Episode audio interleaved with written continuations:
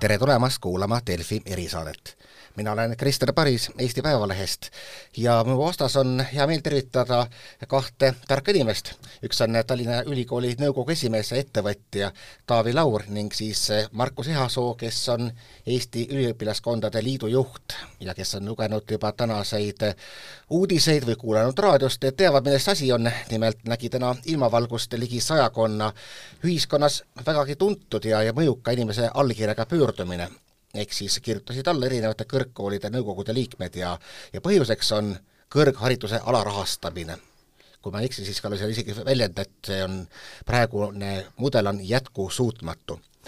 no kui eriline see olukord praegu on, me kuuleme ju igal pool on puudu rahast, politseinikud, eriti meditsiin, ja noh, kõrghariduse alarahastamisest on räägitud, ma arvan, et see vist sellest ajast saadik, kui Eesti Vabariik taastati. Nii on, tere minu poolt. ma arvangi, et äh, meil on need inimesed, kes selle ühisavalduse tegid, see on väga erinevate eri eluvaldkondade mm, esindajaid ja neil kõigil oli ilmselt oma põhjus, miks nad äh, alla äh, selle kirjutasid. aga, aga üks, mis neid ühendab, on see, et ma arvan, et kõik need inimesed tajuvad, et Eesti kõrgharidus on Äh, heal tasemel, äh, ka maailma mastaabis. ja, ja see surve, et see on nagu sellises äh, kontserdil on viiulikeel nii pinge, pingeliseks keeratud, et et tunne on see, et kui nii jätkub, siis see viiul või keel puruneb. et ma arvan, see on üks selge ühine joon. et ja teine mm,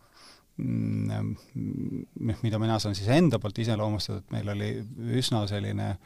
üksteisest, üksteist mõistev äh, kohtumine äh, nõukogu esimeestega, ülikooli nõukogu esimese haridusministriga ja kõrgete ametnikega eelmine nädal. Ja siis me tunnetasime, et äh, et kui me midagi muudame, et isegi kui me, ega siis täna hommikul ka lektorid ülikoolist teevad head tööd ja teevad ka homme, aga kui me midagi muudame või ei muuda, siis selle mm, mõju mingisuguste muutustega hakkama saada on miinimum neli aastat, äh, tegelikkuses kui me võtame mingi planeerimise ja rakendamise, siis kuus aastat. ehk äh, et kui valimised on tulemas, siis äh, Äh, need saadikud, kes saavad äh, valituks äh, ja kui midagi otsustatakse, siis tegelikult muutus toimub alles järgmise mm, võib-olla parlamendi koosseisu ajal. no see on jah, demokraatia koha pealt muidugi selline alati kahtlane küsimus, kui dividendid ju tulevad alles järgmises valimistsüklis. kellele see nagu mõeldud oli, ilmselgelt mitte praegusele koalitsioonile, kes lahkub? ma arvan, see, see tunne, et ta on oluline Äh, oligi siis poliitikakujundajatele ja, ja kindlasti meie poliitikakujundajate ülemtipp on ju Riigikogus, et, et noh, et kui, et me, et me võib-olla ka valimisdebattidel pööraksime kõrgharidusele ja teadusele tähelepanu mitte viisile, et see on üksnes äh, Äh, siis haridusinimeste ja Haridusministeeriumi valdkonnale tähtis, aga ta on valdkonnaülene, sest äh, kui me räägime mingisugustest äh, muutustest, arengutest, siis ta selgelt puudutab erinevaid valdkondi, et neid puudutab nii majandust, julgeolekut, et, et sotsiaalseid pooli, et, et me ei saa seda vaadata umbes, et et kui me vaatame ka mm, erakondade äh, siis äh, manifeste, siis seal on nagu üks lõik on, eks, et haridus või kõrgharidus, aga, aga seal on väga suured seosed nagu siis erinevate teiste valdkondadega. et, et, et see, et see pigem on selline, nii nagu ülikoolide nõukogus on hästi palju erinevaid äh, ühiskonna valdkondadega tegelevaid äh, inimesi, et siis see teema puudutabki palju laiemalt. Markus, kuidas seda pi-, pingul pillikeelt ülikoolis tunda on. noh, mina käisin kunagi ammu ülikoolis, siis olid no kus andis tunda, oli see, et olid pilgeni täis loengusaalid või siis ruumid, mis ei olnudki saalid, ikka oli pilgeni täis, kuidas praegu paistab seal? Äh, no võib-olla nii-öelda füüsiline kriteerium on see, eks ole, et, et, et veel detsembrikuus sai käia üheksateistkümne kraadises ülikoolis õppimas ja, ja kuigi see võib tunduda täiesti selline äh, asjakohatu näide, siis tegelikult äh, sain ka omal nahal tunda, kuidas ikka mõte ei liigu, kui on vaja tegeleda enda soojendamisega. aga ma ütleks, et võib-olla enim see täna ikkagi tuleb välja selles, et, et on näha, et ülikoolid ei saa areneda. Ei saa edasi liikuda, et, et kuna ei ole nagu seda lisaressurssi, äh, mis võimaldaks üldse rääkidagi arengust, rääkimata siis are-, arengu nii-öelda saavutamisest, et siis see tähendab tegelikult seda, et et me lihtsalt nii-öelda nagu tiksume natukene. et ei arene programmid, ei arene võib-olla ka õppekvaliteedi tase, pigem vastupidi, me näeme seda, et olukorras, kus õpetajate palk jälle kasvab, siis see on ainult aja küsimus, millal jälle mingisugused helgemad pead, kes tegelikult ju võiksid ka tudengeid õpetada, lähevad võib-olla hoopis üldhariduskoolidesse tööle. nii et ikkagi selles mõttes iga nurga pealt ja noh, muidugi tudengi jaoks pitsitab sealt, et, et tema nii-öelda need sotsiaalsed garantiid, mis äh, täna on siis sõltuvalt küll sissetulekust ja leibkonna sissetulekust, on lihtsalt kümme aastat olnud samad ja katsuge ise kümne aasta taguse palgaga hakkama saada, arvatavasti see on võrdlemisi keeruline. jah, et näiteks vist kõige rohkem on sellele juhtinud tähelepanu juristid, kes ütlevad, et kuulge, kui advokaadi palk on selline ja õppejõuame selline, siis kes kokkuvõttes koolitab advokaate? et ma ei kujuta ette, kuidas sellele küsimusele mis iganes rahastusega lahendust üldse võiks leida? no võib-olla selle näite on hea, et et kui Eesti sai taasiseseisvus, siis oli meil sellist entusiasmi oli nii palju, ja, ja tõmmati ikkagi see kõrghariduse tase äh, ikkagi tõusis ja võib-olla see vabanemine ja välissuhtlus, et see, see andis sellist sisemist jõudu aga üheksakümnendate alguses näiteks väga, noh täpselt seesama advokaadi näide, et väga palju põhimõtteliselt andekad teadlased ja lektorid läksid ära ettevõtlusesse. ja, ja nüüd ähm, me oleme situatsioonis, kus võib tekkida sama, sama asja, et head andekad äh, noored, kes võiks olla väga head äh, õppejõud või teadlased, äh, noh, neid ei motiveeri enam, nad, nad lähevad kas välismaale siis kuskile doktorantuuri või, või teadlaseks või siis, või siis pigem on mõistlik tal minna ettevõtlusse või mujal tööle, eks, et see on hästi-hästi oluline, et, et kes sind õpetab, et ma arvan, noh, tudengina ka, et Markuse kontekstis, et noh, et, et ma arvan, et olenemata see, et mis aeg on, et sul on mõni õpp-, õppejõud inspireerib sind ja mõnes on see, et sa pead selle punkti ära tegema, eks, et ja kindlasti jah, ja, ja siin tuleb ju silmas pidada ka seda, et ütleme, et teise töö kõrvalt loengut sisse lugev lektor äh, no selles mõttes, et loomulikult ta võib, ta võib ju isikuomadusteta kõigelt sobida selleks, aga aga kui palju siis, noh, tekib küsimus, et kui palju tal tegelikult on aega süveneda kogu programmi sise, sisu nii-öelda ellu,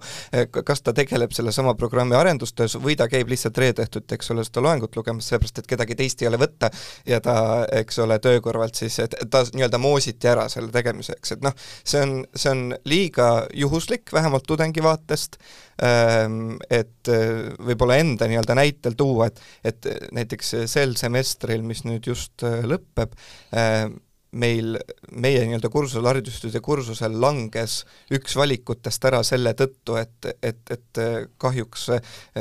õppejõud lahkus meie seast ja kogu ülikooli peale ei olnud võtta teist õppejõudu, kes suudaks seda ainet lugeda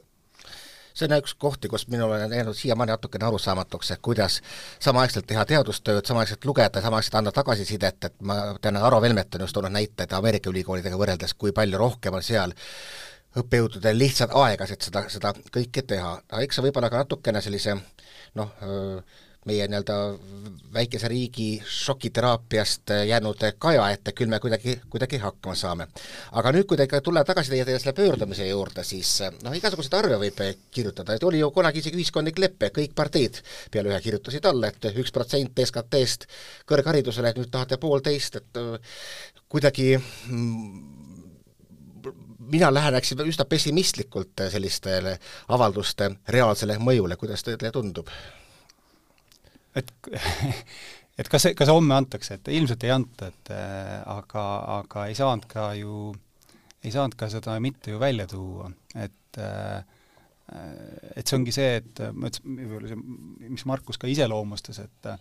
et me, need on valikuküsimused, et noh, et seesama, et et kuidas me siis seda kõrgharidust äh, rahastame, et, et üks ju äh, selles allakirjutanute seas, et ähm, nii mõnigi mõte oli selline, et meie kõrgharidus on muutunud ka selline ülifokusseerituks, et kõrghariduse inimese selline üleüldine mm, teadmiste baas äh, noh, peaks olema kõrgem, eks, et see ongi, et ta on kõrgharitud ja ta on, ta on, ta, ta suudab ühiskonnas ka muudel teemadel kaasa rääkida kui ainult tema see valdkond. et, äh, et siis, et kui me tõmbame seda tänaste rahadega seda ülikooli õpetamist järjest efektiivsemaks ja kokku ja kokku, et siis tervikuna ju Eestimaa ütleme siis haridus kannatab. ja, ja sellepärast peab sellest täna rääkima ja nüüd, kui noh, mis asi nagu edasi, see on siis valikute küsimus, et kui me ütleme, et, et me ei saa seda raha kaasa panna, no siis mul on järgmised valikud, et me täna ikkagi äh, hetkel Haridusministeeriumi poolt on, on, on, on jõuline signaal, mis ütleb, et, et ei, me tahaks, et Eesti kõrgharidus oleks ikkagi tasuta. Et, äh, et noh, see on nagu Skandinaavia mudel, et kui ta on, kui ta on tasuta, eks, et, et siis, et, et, et, et, et oleks siis, siis me peame mõtlema seda, et, et kui me sinna raha juurde ei leia, noh, siis me peame mõtlema, et mismoodi erineb siis Eesti Skandinaaviast, minu arust me erineme väga palju maksudelt, eks, et Skandinaavias palju olulisemad maksud. siis me peaks, see ongi seesama, see, mis ma päris alguses ütlesin, me peame nagu mõtlema nagu valdkonnaüleselt, et noh, et hea küll, et et kas me oleme siis valmis arutamiseks, kas me oleme valmis mingisuguseid makse tõstma, et me saaksime kõrgharidusse raha juurde saada. noh, kui me seda ei ole, noh, siis on nii, et kas me oleme valmis siis mingisuguseid maksuerisusi tegema, mida me ka oma kirjas pöörasime, et, et et kui täna mõni ettevõte, et noh, ettevõttel on ju pidev äh, mure on see, et meil on äh, reaalainetes ja inseneerias on inimesi puudu, aga ma olen seda ka ennem väljendanud, et noh, ma ei usu, et sa noorele, kes äh, ütled, et noh, mine inseneriks, et noh, sa ainult selle lausega ei motiveeri teda. et noh, siis peavad mingisugused teistsugused mõjutegurid olema, et kas tal on siis mingisugune grandid, stipendiumid, äh, noh, siis tekib kohe ettevõtjal see teema, et kui ma neid maksan, siis need on täna erisoodustusega äh, reguleeritud, et, et kas siis peaks ju mõtlema, et kas me teeme siis mingeid maksuerisusi. kui see ka ei aita, seda ka ei taha teha, no siis ongi seesama, mis Teaduse Arengu Nõukogu ütleb, et noh, siis me peame olema osalise äh, osaliseks eh, oma vastutuse sinna peale, et võib-olla läbi selle me saame siis kuidagi tudengid siduda, aga see on jällegi see, et, et ei ole lihtsalt, et eh, me ei ole tõstnud õppe, üliõpilastoetusi ja nüüd ütleme, et nüüd on veel õppemaks ka veel lisaks, eks, et noh, et piltlikult, eks, et, et siis, siis sinna, et seda ei tohi niisama rääkida, siis me peame mõtlema, et noh, milline on siis see taustsüsteem, et kuidas me tagame sellise äh, väga riigisoodsa põhise siis õppelaenusüsteemi võib-olla siis muud toetused, noh, stipendiumid veel lisaks, eks, et siis ettevõtlusgrandid ka veel lisaks, ja siis me peame mõjutama, et kuidas, kui see üliõpilane ühel hetkel siis lõpetab kõrgkooli, kuidas siis see õppemaks noh, millistest allikatest tagasi makstakse. et noh, need on need valikud, et, et ta ei, ta, ta ei ole ühe valdkonna põhine, et lihtsalt Haridusministeerium peab raha juurde andma, et jah, et ma, ma ka ei usu, et ta homme annab. no see ma-, maksuküsimus tõepoolest on natukene, kui mõelda, jabur, sest inimene ise ju saab näiteks enda hariduskulude ja tulumaksu tagasi, aga siis ettevõtjaid justkui karistatakse, kui nad endale järelkasvu koolitavad. aga see viibki, käis juba ka läbi selline vastuolu siis väga fookuspõhise ja pigem nagu laiema kõrghariduse vahel. ja kui ma kuulan nagu haridusametnikke, siis väga tihti nagu põhjendataksegi äh, erinevaid rahastusvalikuid ka sellega, et suunata üliõpilasi võimalikult kiiresti oma programmi lõpetama, et ta tuleb, pannakse õpilane konveierile, tuleb valmis haritud üliõpilane või siis, siis juba vilistlane. kuivõrd nagu praegu tudengid näevad selles probleemi, et noh, tegelikult tahaks rohkemat, tahaks laiemat võtta, aga sunnitakse väga sellisesse kitsasse kanalisse no minu arvates nominaalajaga lõpetamine, ta, teda võetakse täna mingisuguse kvaliteedimõõdikuna, mulle on arusaamatuks jäänud, kuidas see on seotud kvaliteediga. küll see võib olla seotud jah, ütleme, eks ole, mingisuguste nii-öelda ressursside jagamise küsimusega, et noh, seal on teine asi, aga kvaliteeti see minu hinnangul küll ei näita, et kui kiiresti ähm, tudeng selle programmi läbib e,. Ta on täna paratamatus, miks see nominaalaja äh,, nominaalaeg pikeneb, sellepärast et seitsekümmend protsenti tudengitest käib tööl ja kaheksakümmend protsenti muuhulgas sellepärast, et rahastada oma õpinguid. see on nagu üks pool, aga teine on jah, see kindlasti, et et ju kõrghariduse omandamine on selline mm, teadmiste struktureerimise periood, eh, kus inimene lisaks enda selle eriala õppimisele tegelikult kujundab enda maailmavaadet, eh, mõtleb laiemalt loodetavasti või me vähemalt tahaksime seda, et, et ta mõtlekski nii-öelda laiemalt selleks, et temast saaks nii-öelda täisväärtuslik ühiskonnaliige, kes, kes oma mõtetega on võimeline ka ühiskonna arengusse panustama. ja kui nagu sellest eh, nii-öelda kontekstist vaadata, et mida tänane ülikool pakub, siis ta seda kindlasti võiks rohkem pakkuda. see, selles mõttes, et, et just ei olekski seda nagu enne välja toodud, et et selline kitsas pilt enda valdkonnas, vaid et, et neil kõigil oleks võimalik nii-öelda ka muudes teemades kaasa rääkida või vähemasti nende teemade vastu huvi tunda. Ehm, noh, teine pool no see läheb tegelikult, eks ole, jälle kõik sinna nii-öelda raha teema juurde, eks ole, tagasi. et noh, meie enda nii-öelda nägemus on see, et, et kuhu kindlasti ei tohiks sekkuda, on nagu esimene kõrgharidus ja selle omandamine. et esimene baka ja maka ikkagi peaks selles mõttes olema tasuta, sest sellisel juhul me ei too sinna sisse seda sotsiaalmajanduslikku tausta nii palju võib-olla. Äh, aga sel-, aga noh, ütleme, et kui me räägime nüüd äh, nendest nii-öelda tudengi sotsiaalsetest garantiidest, Eh, et siis noh, meie sõnum on olnud nii siis eh, haridusekspertidele kui poliitikutele, et et me oleme valmis üldse seda tasulise teemat arutama alles siis, kui enne on tudengite sotsiaalsete garantiide reform olemas. ehk et, et tudengid tahavad enne saada kindlustunde, tunnet, et kui me üldse hakkame flirtima selle tasulise kõrghariduse teemaga, et siis me tegelikult teame juba eelnevalt Äh, mis suunas ka tudengite sotsiaalsed garantiid liiguvad ja kas tudengile oleks vastuvõetav mingisuguses formaadis või, või vormis see tasu maksmine. see sotsiaalne garantii sisult peaks olema ikka selline, et tudeng saaks õppida ka ilma vanemate toetuseta ja ilma tööl käimata üldse? noh, see oleks ideaal, mulle endale tundub, et, et õpingute kõrval töötamine on tänaseks juba selles mõttes läinud rong, et seda tagasi ei pööra küll aga mida võiks tagasi pöörata, on sellise nii-öelda rumala töö tegemine, mida tehaksegi ainult selle jaoks, et õpinguid rahastada. et minu hinnangul arstitudeng, tudeng ei pea käima äh, öösiti baaris nagu viinakokteile tegemas, äh, küll aga muidugi, mida mina vähemalt isiklikult pean küll heaks võimaluseks, on see, kui nii-öelda tudeng saab juba erialasel tööl õppida või praktikatel käia, ma arvan, et see annab tegelikult selle hariduse omandamise kõrvale ka väga väärtuslikku väärtusliku kogemuse. sest näiteks ju kui me räägime ettevõtjatest ka, siis, siis järjest rohkem tuleb eh, selliseid ettevõtjaid oma arvamustega välja, kes ütlevadki, et et ta tegelikult ootabki eh, kõrgkoolist sellist eh,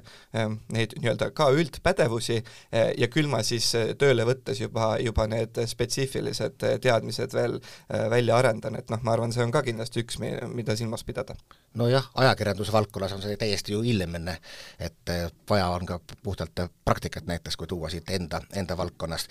aga mida selline mm, kõrghariduse rahastamine, kui nagu laiemas pildis vaadata, ühiskonnale kaasa toob, ses mõttes, et te tõite ka välja seal, et tegemist on ikkagi investeeringuga, mis toob tagasi raha ja noh, ikka aeg-ajalt tuuakse välja, et panna sinna valdkonda nii palju raha sisse, tuleb nii palju tagasi. ja kas seda nagu adutakse, et tegemist on mitte kulutuse, vaid päriselt ka investeeringuga?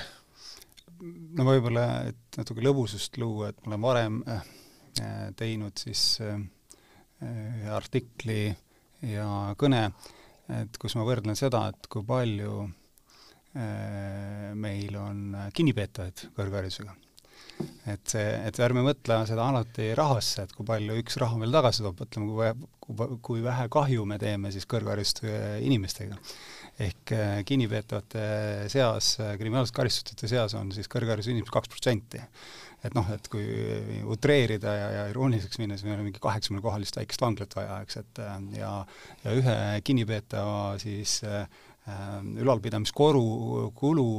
puhas, ei räägi siis selle rehabiliteerimisest ja muudest asjadest, otsene siis seal müüride vahel olek, et see on äh, mingi kaks tuhat rohkem oli pluss või? neli korda rohkem, kui meil läheb ühe tudengi õpetamise peale, et et aga see on, noh, ma ei ole nii sinisilm, et maailm, maailm seda ei muudaks, aga on ka teised jällegi mitte otseselt rahaliselt, aga samas ka osaliselt rahaliselt mõõdetavad jällegi, kuna sinna see läheb sotsiaalsfääri kulu, et äh, ma vaatasin, et kui oli eelmise finantskriisi ajal äh, oli ju töötustase kõrge, siis, äh, siis kõrgharidusega töötuid oli kuskil üks neljandik. et noh, et, et seesama kõrgharidusega inimene, et isegi kui me mõtleme selliseid äh, noh, mitte nii positiivseid äh, olukordi, kus ta ei saagi töötada oma eriala peal ja, ja elu noh, seabki ette, et noh, näiteks koondatakse ajakirja, ajakirjanik ära, siis ta on noh, ta on uudishimulik, keeleteadlik, õpivõimeline, ta saab võib-olla ajutiselt, ta võtab ka endale lihttöö, aga ta leiab selle, olgu see Eestis või välismaal, et, et ja, ja, ja siis kohe mõelda ka seda, et me ju koormus meie sotsiaalsfäärile kaob ära, et see, see on otsene rahaline ja, ja, ja ütleme siis heaolus mõõdetav. nüüd teine pool on, mida siis Rektorite Nõukogu on välja toonud, et et äh, kuskil kaheksa protsenti toob siis aastas tagasi siis kõrgharitud inimesed, et mis ta, tema nagu selline investeeringu otsene tasu, see on ainult otsene rahaline, et kuna ta äh,, meil on olemas siis uuringud ka, et kus ta on kolm aastat pärast siis äh, kõrgkooli lõpetamist, et kui palju ta saab siis kõrgemat tasu versus siis äh, Äh, siis võib-olla mitte kõrgharitud äh, inimesena, et need, need on sellised väga lihtsalt, lihtsustatult maksutulu mõõd-, mõõdetavad. aga kui selge see korrelatsioon on, ma olen nagu kuulnud ka kriitikat just, et kui tahta minna õppima kõrgematesse astmetesse, minna doktorantuuri, et siis see mm, ta-, tasuvus, et sa saad doktorikraadi, ei väljendu kuidagi kokkuvõttes selles selgelt, selgelt selles palgas, mis sa pärast saama hakkad noh, see vastab tõele ja tegelikult on tõsi ka see, et näiteks ka bakalaureuse ja magistriastme nii-öelda vahe äh, nii-öelda puhtalt palganäitajates ei ole teab mis suur, kui võrrelda näiteks teiste riikide keskmistega aga siin on võib-olla, noh, see on, mulle endale isiklikult tundub, et see on ka teadlikkuse küsimus. et äh, ja see on võib-olla see, kus ka võib-olla ettevõtjad saaksid senisest enam läbi mõelda äh, selle doktorandi nii-öelda väärtuse selles mõttes, et et tean küll ka ise näiteid, kus teadurid üritavad ka minna erasektorisse tööle ja sealt tuleb see vastus, et sa oled meie jaoks liiga noh, kval-, kvalifitseeritud ja, ja, ja võib-olla on ka võib-olla kõrgkoolid nagu selles mõttes nagu vähe seda teavitustööd teinud, et mida see nii-öelda doktorikraadiga inimene siis päriselt sellesse ettevõttesse või kuhu iganes ta lõpuks läheb, et et mis lisandväärtust ta tegelikult sinna tuua saab. ja üldse mitte võib-olla ainult selles konkreetses valdkonnas, kuhu see ettevõtja panustab, äh, vaid siin oli ühe teise äh, kõrgkooli nõukogu äh, siis esimehe näide, kus kus tema, eks ole, võttis küll endasse nii-öelda tootvasse tööstusesse, võttis näiteks äh, doktorandi, kes tegeleb üldse hoopis tööõnne küsimustega. ehk et põhimõtteliselt võeti tööle siis selle valdkonna peale, mis tegeleb hoopis siis nendes firmas töötavate inimeste teemadega. et ühesõnaga jah, see on probleem Äh, täpselt samasugune probleem on ka doktorantide tasustamine kõrgkoolis, äh, et paratamatult ta täna ei ole, ütleme, noore inimese jaoks kindlasti atraktiivne ja ja ma isegi väidaks, et kõik doktorandid, kes täna üldse doktorantuuris on, äh, jah, ei ole kindlasti seal mingisuguse tasu või, või muu sellise pärast, vaid see, see ainus põhjus on ikkagi see, et nad on, nad on oma valdkonda nii armunud, et, et nad tahavad lihtsalt seda edasi uurida ja, ja teadustööd teha. no me elame paljuski ju piirideta maailmas ja see kui doktor, doktorant saab doktorikraadi kätte ja keegi talle siin head tööd ei paku, läheb mujale, kokkuvõttes läheb investeering raisku, kas võib ka niimoodi vaadata? ma arvan, et ta raisku ei lähe, et äh, mis on hetkel, mis me oleme välja ka toonud, eks, et äh, Eesti kõrgharidus on täna heal tasemel, et meil on just nagu välismaalastest doktorante ja nemad tõepoolest, äh, kui me ei suuda neid siduda selle meie keskkonnaga, siis nemad lähevad ära ja, ja see on jah, meie riigile kulu. ja, ja, ja sellepärast äh, võib ka ütelda, et seda, sellepärast seda ühisavaldust väga oligi vaja, et, et tuua tähelepanu, pöörata tähelepanu, et ei, ta ei ole üksnes äh, haridusvaldkonna teema, ta on erinevate äh, valdkondade ja majanduse teema, et, et noh, siit tekibki see, et et seda aja, et, et, et see ühisavaldus on, ütleme siis äh, mida ta ilmestab, ta ilmestab ka seda, et ajalooliselt äh, niimoodi, et kõikide äh, kuue riigi äh, ülikooli nõukogud saavad kokku ja ütlevad, et mure on ühine, seda pole ka iseseisvuse ajal kordagi olnud. et, et see on selline äh, oluline tähelepanek, et noh, mi-, mi-, mis siis võib-olla ka suunata ettevõtjatele, et noh, siin on ka, et kui me seome need doktorandid kuidagi ja ülikoolide ettevõtluse koostööga rohkem ära äh,, seal siis võib-olla esiteks me saame need välismaa doktorante siduda rohkem Eestimaaga ära ja teine on siis seesama, et need, kes siis Eesti poolt on, et, et tekiks selline äh, teadusarengu tegev-, edasine tegevus ja ettevõtlusega seotud tegevus, aga selleks on jälle vaja mõelda, et noh, et et kuidas eh, me saame motiveerida nii ettevõtjaid kui ka ülikoole omavahel rohkem eh, koostööd tegema, et et täna, täna need murekohad, mis sa esile tood, need on, need on laual, sellepärast me räägimegi sellest. no see on hea, et me nüüd ettevõtja sisse teeme, et noh, kui ennekõike oli see avaldus võib-olla suunatud poliitikutele, poliitikutest oli jutt, et nad on suutelised ka antud allkirja väga kergesti äh, ära unustama, siis äh, kuivõrd üldse nagu Eesti ettevõtjad praegu seda potentsiaali mõistavad ja palju neil on noh, on ka suutlikkust, arvestades ka meie ettevõtete suurust, ütlesid, et noh, anda umbes tellimusi. kuulge, mul oleks vaja viie aasta pärast nii ja nii palju siin spetsialiste, et ma rahastan õpinguid ja teeme kuidagi mingi lepingu, et ma saan sealt pärast ka siis endale siis dividendid nagu enda firmasse et see on tõ-, tõsi, et äh, Eesti ettevõtlusmaastik koosneb ju enamasti väike- ja keskmistest ettevõtetest ja ja see tähendab, et äh, äh, ütleme, seal selliste juhtide osakaal on äh, ju noh, üsna limiteeritud, et, et, et me, meil ei ole selliseid suuri struktuure ja, ja nüüd sellel juhil peab olema aega või huvi tegeleda sellise teadusvaldkonnaga. et kus mulle tundub, et äh, ta toimib, on selline inseneeria valdkond, aga seal on ka, kuna ma ise olen ka siis ettevõtja küll Tallinna Ülikooli nõukogus, aga et ma olen siis koostööd teinud robootika valdkonnas siis äh, TalTechi, TalTechiga, aga noh, et mis ma tahan väita, et seal on võib-olla sellised üsna niisugused äh, väike-keskmistel ettevõtetel tekib selline rakendus, praktiline vajadus aga, aga, aga ma arvan, et see on ainult üks osa, et ettevõtlusmaastik ju ka muutub väga suuresti ja kui me võtame mm, siis meie ütleme siis noor startup'i maailm, et ta on ikkagi väga sellise rahvusvaheline ja väga mm, laia spektriga, et, et ma, ma usun, et kui me suudame Äh, vastastikku nii ülikoole kui ettevõtjaid motiveerida, et see koostöö on siin kohapeal kasulik, et siis, äh, et siis see koostöö tiheneb. ja võib-olla selle mm, ühisavalduse puhul minu, mina kui ettevõtja võtan, et miks, mik-, mik-, miks mina selle alla kirjutan, ka see, et, et et kui kuus ülikooli suudavad teha nõukogu tasemel ühise avalduse, siis see näitab, et ka ülikoolid ise on valmis äh, muutuma, ise on valmis olema rohkem avatumad ja, ja, ja, ja otsima ka seda koostööpunkti, et, et noh, tal on selline märgiline tähendus, eks, et et kaugelt, et me heas situatsioonis täna oleme, aga, aga me peame muutuma. no Markus, mul tekkis selline kohe mõte, et kui ma olen nagu ettevõtja, selge, ma tahan saada pigem nagu praktilise väärtusega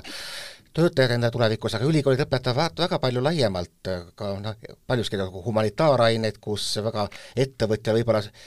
otsest silmnähtavat kasu ei pruugi mitte igaüks leida. ma toon nagu näite, mul oli üks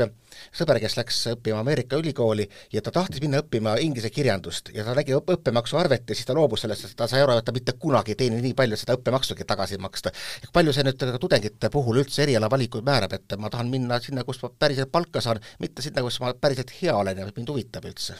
eks ta veidi ikka statistikast ka tuleb välja, aga, aga pigem see tuleb seal selle, selles laadis välja, et kui mul ei ole endal võib-olla ideed, mida tegelikult õppima minna, et siis, siis valitakse äh, teatud nii-öelda tuntud erialad, majandusõigus, äh, kus äh, vähemalt on see eelarvamus olemas, et, et siis lõppeks on, on rahakott raha täis, et, et seda kindlasti ka on, aga ma ikkagi ütleks, et see ei ole nagu domineeriv. Ähm, ja, ja noh, see on mõnes mõttes ju võimaldanud ka ülikoolidel lisatulu teenida sellega, et, et ennekõike ka sellistes valdkondades on ka kõige rohkem tasulise õppe osakaal. aga mm, noh, see ei olegi, ütleme jah, kindlasti ütleme, et meil on väli, ütleme välismaa kõrgkoolidega natukene jah, keeruline võrrelda, selles mõttes, et et seal on ju täpselt samasugune olukord ka kõikidel teistel erialadel, USA-s näiteks, et et seal on tavapärane, et näiteks arstitudeng ka laenab kõigepealt sadu tuhandeid dollareid, mida ta siis hakkab tagasi maksma, kui, kui ta lõpuks arst on ja, ja seda ähm, teenistust nagu teenib, et, et seal nagu ma ei saaks öelda, et kuidagi humanitaarvaldkonnas nagu äh, see õppe maks kuidagi nüüd jah, eriti, aga, aga ütleme, et kui tuleme nüüd Eesti konteksti peale tagasi, siis mm,